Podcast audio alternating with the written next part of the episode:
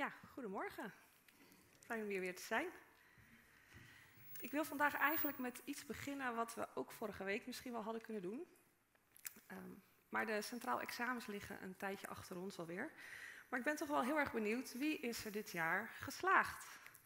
Zijn er mensen in de zaal? En zo ja, zou je dan even willen gaan staan?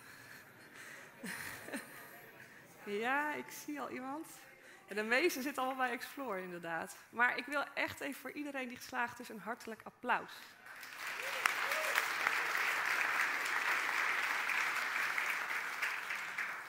Misschien kijken ze later nog terug, maar uh, ja, misschien denk je, moest dat nou?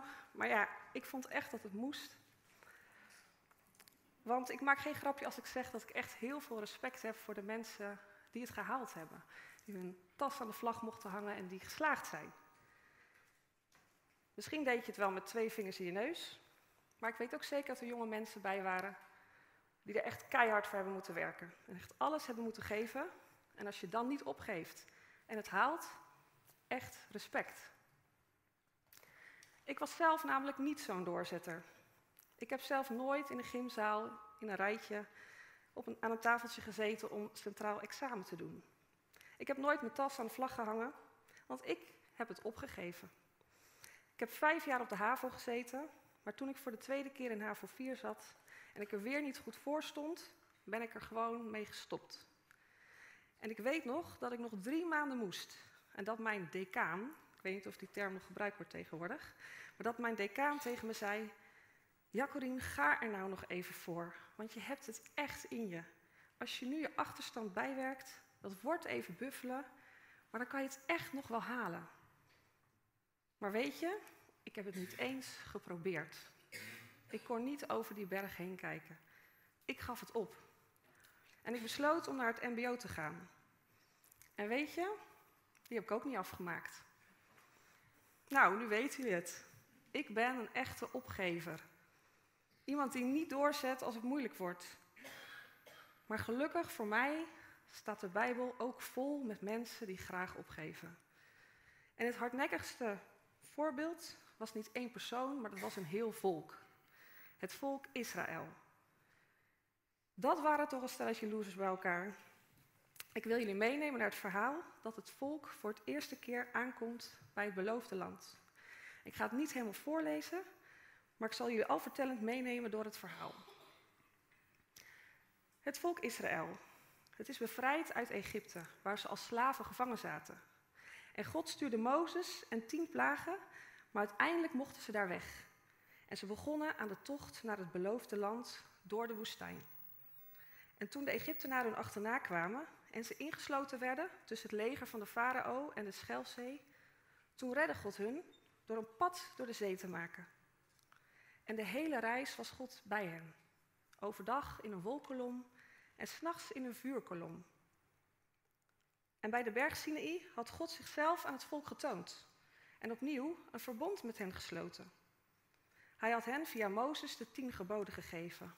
Allemaal voorbereidingen en instructies voor als ze straks zouden wonen in het beloofde land.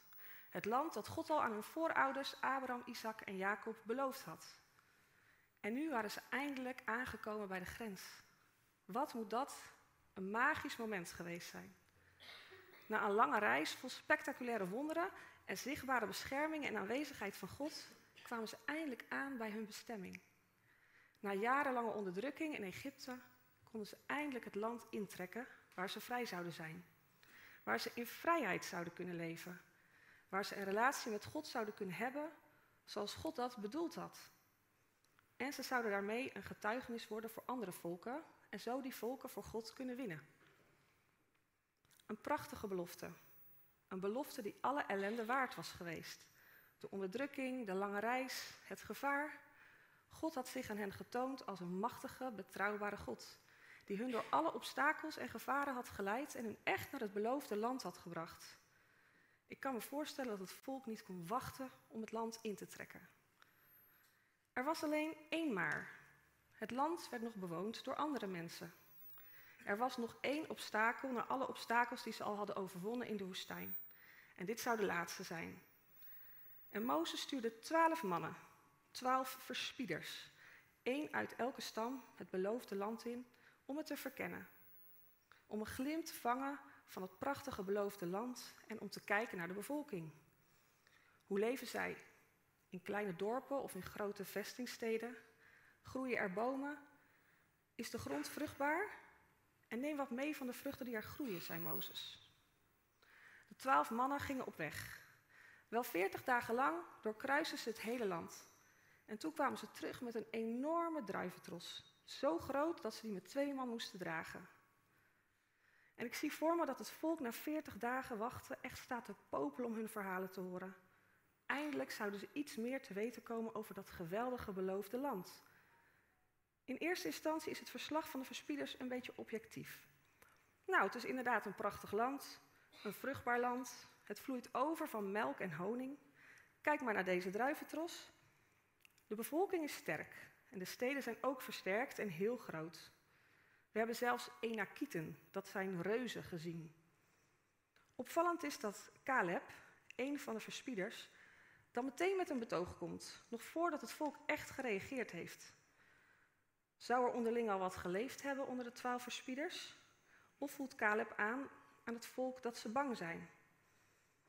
Er staat dat Caleb wilde voorkomen dat het volk zich tegen Mozes zou verzetten. En hij zei: We kunnen zonder probleem het land in bezit nemen. We kunnen dat volk makkelijk aan. Caleb probeert een opstand of de angst van het volk meteen de kop in te drukken. Dit komt goed, zei hij. We moeten het land ingaan. Maar helaas, tien andere verspieders gaan daar tegen in. En ze zeggen dat het veel te gevaarlijk is. Dat dit land met zijn sterke inwoners hun dood zou betekenen. En er staat dat ze allerlei ongunstigs over het land vertelden aan het volk. En dat werkt. Het volk barst uit in tranen en gejammer. Ze zien het helemaal niet meer zitten. Zijn we zo ver gekomen, huilen ze om alsnog te sterven hier? Hmm, best wel een bijzondere reactie, toch? Oké, als ze hiervoor in een heel fijn land hadden gewoond en daarna een zware barre tocht door de woestijn hadden gemaakt en dan dit aantreffen als hun beloofde land, oké, dan snap ik het wel. Maar deze mensen waren op wonderbaarlijke manier door God bevrijd uit hun slavenbestaan in Egypte. Ze hadden gezien hoe God tien plagen op de machtige farao en de rest van Egypte had afgestuurd. Hoe God hun een weg door de zee had gebaand. Ze hadden Gods macht en majesteit gezien op de berg Sinaï. God was zichtbaar geweest, elke dag in de vorm van een wolkolom. En s'nachts in de vorm van een vuurkolom. En nu horen ze één verhaal over reuzen en sterke steden. En ze krijgen meteen een mental breakdown, zoals mijn tienerdochter dat zou noemen. Ze zeggen zelfs: Kom, we zoeken een nieuwe leider en we gaan terug naar Egypte. Naar Egypte. Alsof de Egyptenaren ze weer met open armen zouden ontvangen. Eén wat minder gunstig verhaal en ze geven hun vertrouwen in God op. Terwijl Caleb ze net nog gewezen had op het feit dat ze dit met God echt wel aankunnen. Hij was zeg maar hun decaan, die zei: Kom, nog even doorzetten, jullie zijn er bijna. Jullie hebben het in je. Maar het volk wil er niets van weten. Ze geven het op. Sterker nog, als Mozes, Aaron, Caleb en Jozua. Jozua was naast Caleb ook de enige verspieder die het ook zag zitten om het land in te gaan. Als zij met z'n vier het volk proberen te overtuigen om toch op God te vertrouwen, dreigt het volk om deze mannen te stenigen. En dan komt God naar Mozes. En Gods reactie is niet mis. Op mij kwam het nogal menselijk over eigenlijk. Want God dreigt ook op te geven. God is helemaal klaar met dit bange volk. Hij zegt, ik stop met dit volk. Ik breng ze om en uit jou, Mozes, begin ik wel een nieuw volk. Maar Mozes praat op God in. Heer, doe dat nou niet. Dan zullen de andere volken denken dat u niet in staat was om dit volk te redden. U bent toch trouw en verdraagzaam? En dan zegt God, oké, ik vergeef het hun, maar ik straf ze wel. Niemand van dit volk van boven de twintig jaar zal het beloofde land te zien krijgen. Dit land zal niet voor hen zijn, maar voor hun kinderen. Ik stuur jullie terug de woestijn in. Veertig jaar zullen jullie daar rondzwerven, totdat iedereen van boven de twintig jaar gestorven is. En dan zal ik met de nieuwe generatie verder gaan in het beloofde land. Veertig dagen liepen de verspieders door het beloofde land. Veertig jaar zullen jullie teruggaan in de woestijn. één jaar voor elke dag. Behalve Caleb en Jozua. Zij mogen als enige van deze generatie wel het land binnengaan. Toen het volk dit via Mozes hoorde, werden ze erg verdrietig en wilden ze alsnog het land binnengaan. Ze hadden alweer spijt van wat ze hadden gezegd. Maar Mozes zei: Doe het niet. Wees niet weer ongehoorzaam, want God zal niet met jullie zijn. Maar het volk was overmoedig en trok toch ten strijde, maar werden door de Canaanieten verslagen en teruggedreven. Wat een geschiedenis. Wat een ontzettend interessant verhaal, vind ik tenminste. En wat is hier veel uit te halen? We zouden ons bij dit verhaal bijvoorbeeld kunnen richten op Gods reactie als het volk het land niet in wil gaan. Ontzettend interessant wat daar gebeurt. Dat God echt klaar is met het volk, ermee wil stoppen. En dat Mozes hem dan overhaalt om het toch niet te doen. Dat is bijna een preek op zich. Maar vandaag wil ik me toch wat meer richten op die twaalf verspieders. Twaalf mannen uit elke stam één die met elkaar op verkenningstocht gaan door dat nieuwe land. Zouden ze elkaar goed gekend hebben? Zou het een soort vriendengroep geworden kunnen zijn? Of zou er juist rivaliteit geweest zijn tussen de stammen? En zouden ze vooral op eilandjes in hun eigen stam geleefd hebben? Wat gebeurt er als je twaalf mannen uit twaalf verschillende families samen op reis laat gaan? Mannen die waarschijnlijk zelf nog slaaf zijn geweest in Egypte. De tekst laat er niet veel over los. Het enige wat we weten is dat er uiteindelijk twee zijn die zich onderscheiden van de andere tien. Het zijn Caleb en Jozua. Zij hebben dezelfde tocht gemaakt als die andere tien en toch komen zij heel anders terug. Caleb zegt meteen, we kunnen dat in land innemen. Het wordt een makkie. Terwijl de andere tien er compleet anders in staan. Ze zien het helemaal niet zitten en zijn zelfs doodsbang. Echt heel bang. Want ze beginnen overal rond te vertellen hoe gevaarlijk dat land is. Ze vertellen over de reuzen die er wonen, de sterke steden. Ze willen het volk er echt van overtuigen dat ze er niet heen moeten gaan. En als Caleb en Jozua en Mozes en Aaron daartegen ingaan, willen ze deze mannen dus zelfs stenigen. Zo bang zijn deze tien verspieders. En ondanks dat ik net nogal negatief was over dit opstandige volk, en eigenlijk zou willen zeggen dat die tien verspieders het totaal niet begrepen hadden, ben ik bang dat ik het zelf heel vaak niet zo heel veel beter doe. Hoe snel raak ik niet ontmoedigd als het weer eens tegen zit? Of zie ik overal beren op de weg? Wil ik opgeven? En voel mijn leven aan als een zwerftocht in de woestijn? Hoe vaak durf ik niet die volgende stap te zetten? Ik zei het net al, ik ben een opgever. Ik gaf het op op de middelbare school. Maar ook daarna kan ik echt nog talloze momenten noemen in mijn leven dat ik niet vol vertrouwen in God mijn problemen en uitdagingen aanging. En misschien heb jij ook opgegeven. Misschien deed je ook geen examen op de middelbare school. Zijn er meer mensen hier? Oh, gelukkig, niet de enige. maar misschien gaf jij op andere momenten op. En ik hoef geen handen meer te zien hoor. Misschien stopte jij met je studie. Of liet je die ene mooie kans in je carrière aan je voorbij gaan, gewoon omdat je niet durfde. Misschien stopte je met investeren in een mooie vriendschap. Misschien gaf je je baan op of je huwelijk. Misschien stopte je met de kerk. Of misschien denk je erover na. Misschien wel om te stoppen met geloven in God. Of misschien wel met het leven zelf. Hoewel de meeste mensen best wel een aardig doorzettingsvermogen ontwikkelen, uiteindelijk slagen de meeste jongeren wel voor hun examen, denk ik dat we allemaal wel momenten kennen dat we iets opgaven. Of dat we er in ieder geval over nadachten om dat te doen. En soms kan het natuurlijk ook best heel goed zijn hè, om ergens mee te stoppen. Om je grenzen aan te geven. Om een andere weg te kiezen. En heel soms heb je ook gewoon geen keuze. En toch blijft het interessant om te zien dat sommige mensen makkelijker en sneller opgeven dan een ander. Waarom gingen andere klasgenoten van mij wel de uitdaging aan om over te gaan? Ik had vriendinnen die nachtenlang gewerkt hebben om alles bij te trekken. En waarom kon ik dat dan niet?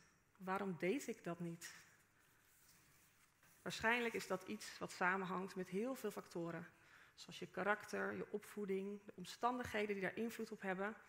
Daar is niet echt een eenduidig antwoord op te geven. Maar het is wel interessant. En voordat het overkomt alsof ik hier nog heel erg mee worstel, kan ik zeggen dat ik het mezelf vergeven heb. Ik heb er wel mee geworsteld hoor, maar ik reken het mezelf niet meer aan. En voor alle jonge mensen hier die er ook mee gestopt zijn, of die misschien gezakt zijn, zou ik willen zeggen: wees niet te streng voor jezelf. Het is echt niet het einde van de wereld. Ik ben inmiddels 37 jaar en ik ben best wel goed terechtgekomen. Vergeef jezelf. Want het is niet zo dat als je eens een opgever bent, dat je altijd een opgever blijft. Dat is goed nieuws, hè? Je hoeft niet een opgever te blijven. Er is iets waardoor dit kan veranderen. Als je het tenminste zelf wilt. Tenzij je het prima vindt om door het leven te gaan met steeds opgeven. Ook dan houdt God nog steeds van jou. Echt. Maar zelf wilde ik dat niet. En het geheim vinden we in deze tekst. Er staat namelijk wel in de tekst waarom Caleb er zo anders in stond dan die andere verspieders. God is diegene die het zelf uitlegt in dit verhaal. Oh. Hm? Deze. Ja, het staat in nummer 14, vers 24. God zegt daar zelf, maar mijn dienaar Caleb, die door een andere geest bezield was en mij volkomen trouw is geweest, hem zal ik naar het land brengen waar hij geweest is en zijn nakomelingen zullen het bezitten. Caleb was bezield door een andere geest. In het Oude Testament zien we vaker dat iemand vervuld was van de geest, Gods geest. Voor ons meer bekend als de Heilige Geest. De geest die Jezus ons naliet toen hij terugging naar de Vader. De geest die uitgestort werd op de eerste Pinksterdag, zoals we laatst mochten vieren. En deze Heilige Geest, die maakt het verschil. Caleb bleef op God vertrouwen omdat hij God kende. Gods geest woonde zelf in hem. En daardoor wist hij dat het mogelijk was, dat beloofde land, dat dat voor hem was en voor zijn familie. Dat ze het in moesten gaan en dat ze niet bang hoefden te zijn. Het verschil dat de geest maakt tussen iemand die leeft vanuit de geest of vanuit zichzelf, dat lezen we ook in Romeinen 8. Dat wil ik graag met jullie lezen. Romeinen 8, vers 1 tot 17. Daar staat, dus wie in Christus zijn, worden niet meer veroordeeld. De wet van de geest die in Christus Jezus leven brengt, heeft u immers bevrijd van de wet van, van de zonde en de dood. Want waartoe de wet niet in staat was, machteloos als hij was door onze aardse natuur, dat heeft God tot stand gebracht. Vanwege de zonde heeft hij zijn eigen zoon als mens in dit zondige bestaan gestuurd. En zo heeft hij in dit bestaan met de zonde afgerekend. Opdat alles wat de wet eist in ons tot vervulling wordt gebracht. Wij leven immers niet volgens aardse maatstaven, maar volgens die van de geest. Wie beheerst wordt door het aardse, streeft aardse zaken na. Maar wie beheerst wordt door de geest, streeft na wat de geest wil. Het aardse streven leidt tot de dood, maar het streven waartoe de geest aanzet, leidt tot leven en vrede. Het aardse streven staat vijandig tegenover God, want het onderwerpt zich niet aan zijn wet en is daar ook niet toe in staat. Wie beheerst wordt door het aardse, kan God niet behagen. U daarentegen wordt beheerst door de geest, want de geest van God woont in u. Iemand die de geest van Christus niet heeft, behoort Christus ook niet toe. Als Christus echter in u leeft, is uw lichaam weliswaar door de zonde ten dode opgeschreven, maar de geest schenkt u leven, omdat u door God rechtvaardig bent verklaard. Want als de geest van hem, die Jezus uit de dood heeft opgewekt, in u woont, zal hij die Christus heeft opgewekt ook uw sterfelijk lichaam levend maken door zijn geest die in u woont. Broeders en zusters, we zijn dus niet langer gebonden aan het aardse om volgens aardse maatstaven te leven. Als u wel zo leeft, zult u zeker sterven. Als u echter uw zondige praktijken doodt door de geest, zult u leven. Allen die door de geest van God worden geleid, zijn kinderen van God. U hebt de geest niet ontvangen om opnieuw als slaven in angst te leven. U hebt de geest ontvangen om Gods kinderen te worden. Door Hem roepen wij God aan met Abba Vader. De geest zelf verzekert onze geest dat wij Gods kinderen zijn. En als we Zijn kinderen zijn, zijn we ook Zijn erfgenamen. de erfgenamen van God, samen met Christus. Want wij delen in zijn lijden om ook met hem te kunnen delen in zijn luister. Hier wordt het heel duidelijk beschreven. Een leven vanuit onszelf, dat leidt tot niets. Dat leidt tot de dood. En zo was het ook in het verhaal van de twaalf verspieders. De tien verspieders die niet leefden zoals Gods geest, vanuit Gods geest vonden de dood. Ze werden getroffen door een plaag en stierven in de buurt van de tabernakel. Caleb en Jozua vonden een nieuw land, een nieuw leven. Een leven van vrijheid en vrede. In het Oude Testament lezen we vaak dat slechts een enkeling vervuld werd met de Heilige Geest. Hoe dat precies zit, heb ik eerlijk gezegd niet uitgezocht. Maar wat ik wel weet is dat sinds de eerste Pinksterdag Gods Geest in ieder van ons wil wonen. Gods Geest is er voor iedereen en dus ook voor jou. Kan je het je voorstellen? De Geest van Jezus in jou? Jezus die de Zoon van God is? Jezus die wonderen deed? Jezus die mensen genas? Die mensen hun zonde vergaf? Jezus die nooit opgaf? Ook niet toen hij in Gethsemane doodsangsten uitstond? Toen hij heel eerlijk toe moest geven dat hij die hele kruisweg helemaal niet zo zag zitten. Maar hij deed het wel. Hij ging die kruisweg wel, voor jou en voor mij. Jezus die leed, die stierf. Jezus die zo machtig is dat hij de dood overwon en met een kracht die wij niet kunnen bedenken op de eerste paasmorgen opstond uit de dood. De geest van die Jezus, die woont in jou en in mij. Dat is toch niet te bevatten? Geweldig. Als ik dat echt op me laat inwerken, dan denk ik op zo'n moment echt, waar zou ik nou nog bang voor moeten zijn? Wat kan er nog misgaan als ik me door die geest mag laten leiden? Als die geest vol van Gods liefde altijd bij mij is. Jezus kwam naar deze aarde om aan ons te vertellen dat er voor ons ook een beloofd land is. Ook voor jou is er het beloofde land. Jezus zei het met de woorden: Het koninkrijk van God is gekomen. Het is open en bereikbaar voor iedereen, om Lara maar even te citeren. Dit beloofde land, dit koninkrijk van God, is al gekomen. De strijd is al gevoerd door Jezus. Er is geen berg, rivier, reus of grote vestingstad die het nog blokkeert. We kunnen er zo in wandelen. Een land van volheid, van overvloed, van rust, vrijheid en van vrede. Veel mensen denken, ja, dat komt straks, in het leven hierna. Dat horen we ook straks in het lied. Maar Jezus zei, niet het koninkrijk van God komt eraan. Hij zei, het koninkrijk van God is gekomen. Het is er nu al, vandaag, voor jou. En waarom ervaren we dat dan zo vaak niet? Waarom voelt ons leven soms meer aan als een woestijn dan als een land dat overvloeit van melk en honing? Vaak zijn wij zelf degene die de boel blokkeren. We proberen er op eigen houtje te komen en we vergeten wie ons kompas is. We vergeten af te stemmen op de geest, de geest die al in ons leeft. God roept ons op om met Hem te leven. Jezus nodigt ons uit in dit koninkrijk. En die roep die is echt voor iedereen. Dus ook voor jou. Maar wat is dan jouw roeping? Wat is jouw beloofde land? Wat is er nodig in jouw leven om te leven in vrijheid en vrede?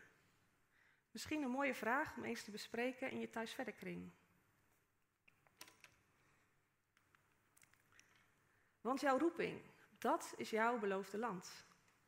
Jouw roeping is de manier om met God te leven zoals Hij dat bedoeld heeft voor jou.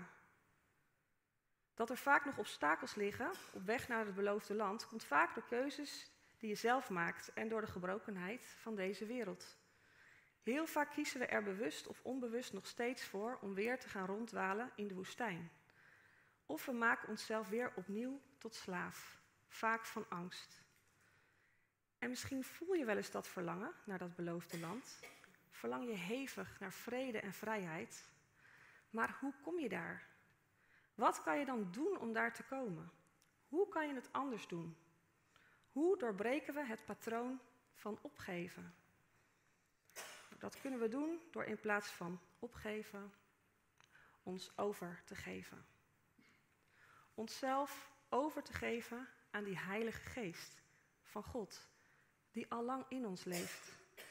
Om daarop af te stemmen, om Zijn raad en wijsheid ons eigen te maken. Om volledig daarop te vertrouwen en om zo Jezus te kunnen volgen.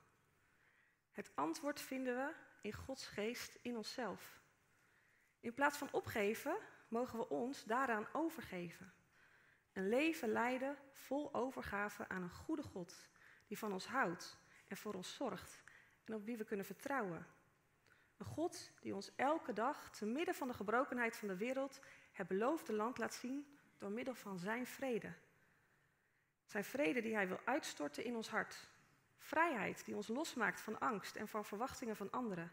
Die ons vrijmaakt van verslaving en zonde, van ongeloof en ontrouw. Want we hebben deze geest niet ontvangen om opnieuw als slaven in angst te leven, zegt Romeinen 8. Deze geest is de weg naar jouw beloofde land. Als je afstemt op Hem, dan zal Hij je de weg wijzen. Dan zal Hij je helpen met het maken van nieuwe keuzes. Door de Heilige Geest zal het duidelijk worden wat jouw roeping is over jouw leven. Oké, maar dan nu praktisch. Hoe doe je dat dan? Dat overgeven aan de Geest. Nou, in de eerste plaats mogen we er gewoon om vragen. Mogen we vragen of God zich aan ons wil openbaren? Of die geest meer zichtbaar en voelbaar mag worden in ons leven? En uiteindelijk zit het vooral in een persoonlijke relatie met God. Als we met Hem in contact zijn, dan gaat Zijn geest in ons werken. Sowieso. Als we tijd nemen om in contact te komen met God, als we tijd nemen om naar Zijn stem te luisteren, dan gaan we Zijn stem ook vanzelf steeds meer verstaan en herkennen. Dan gaan we die stem steeds meer vertrouwen. En dan zal het steeds meer duidelijk worden welke weg je mag gaan.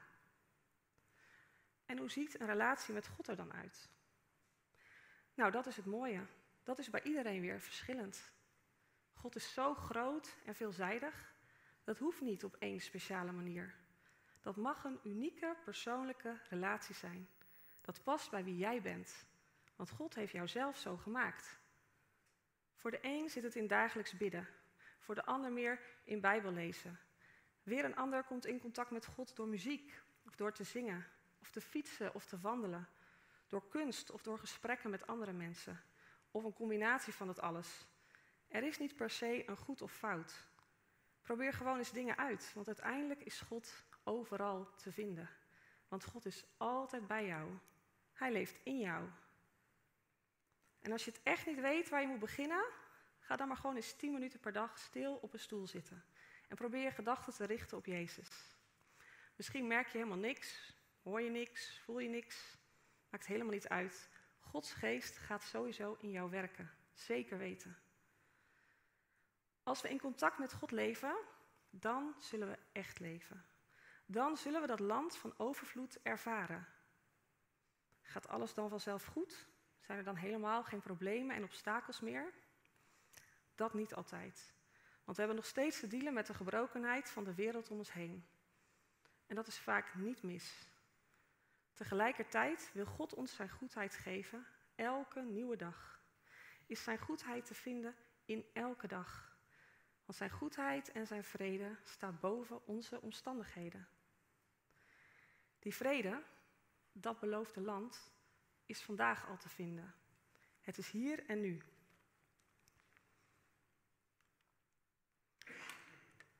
Welk obstakel heb je zelf nog in de weg liggen? Welke rivier houdt jou nog tegen om je roeping te leven? Kom, neem je tas met ballast. Neem hem maar van je rug en hang hem aan de witte vlag van overgave. En geef je over aan de geest, de geest van vrede. Welkom in jouw beloofde land. Amen.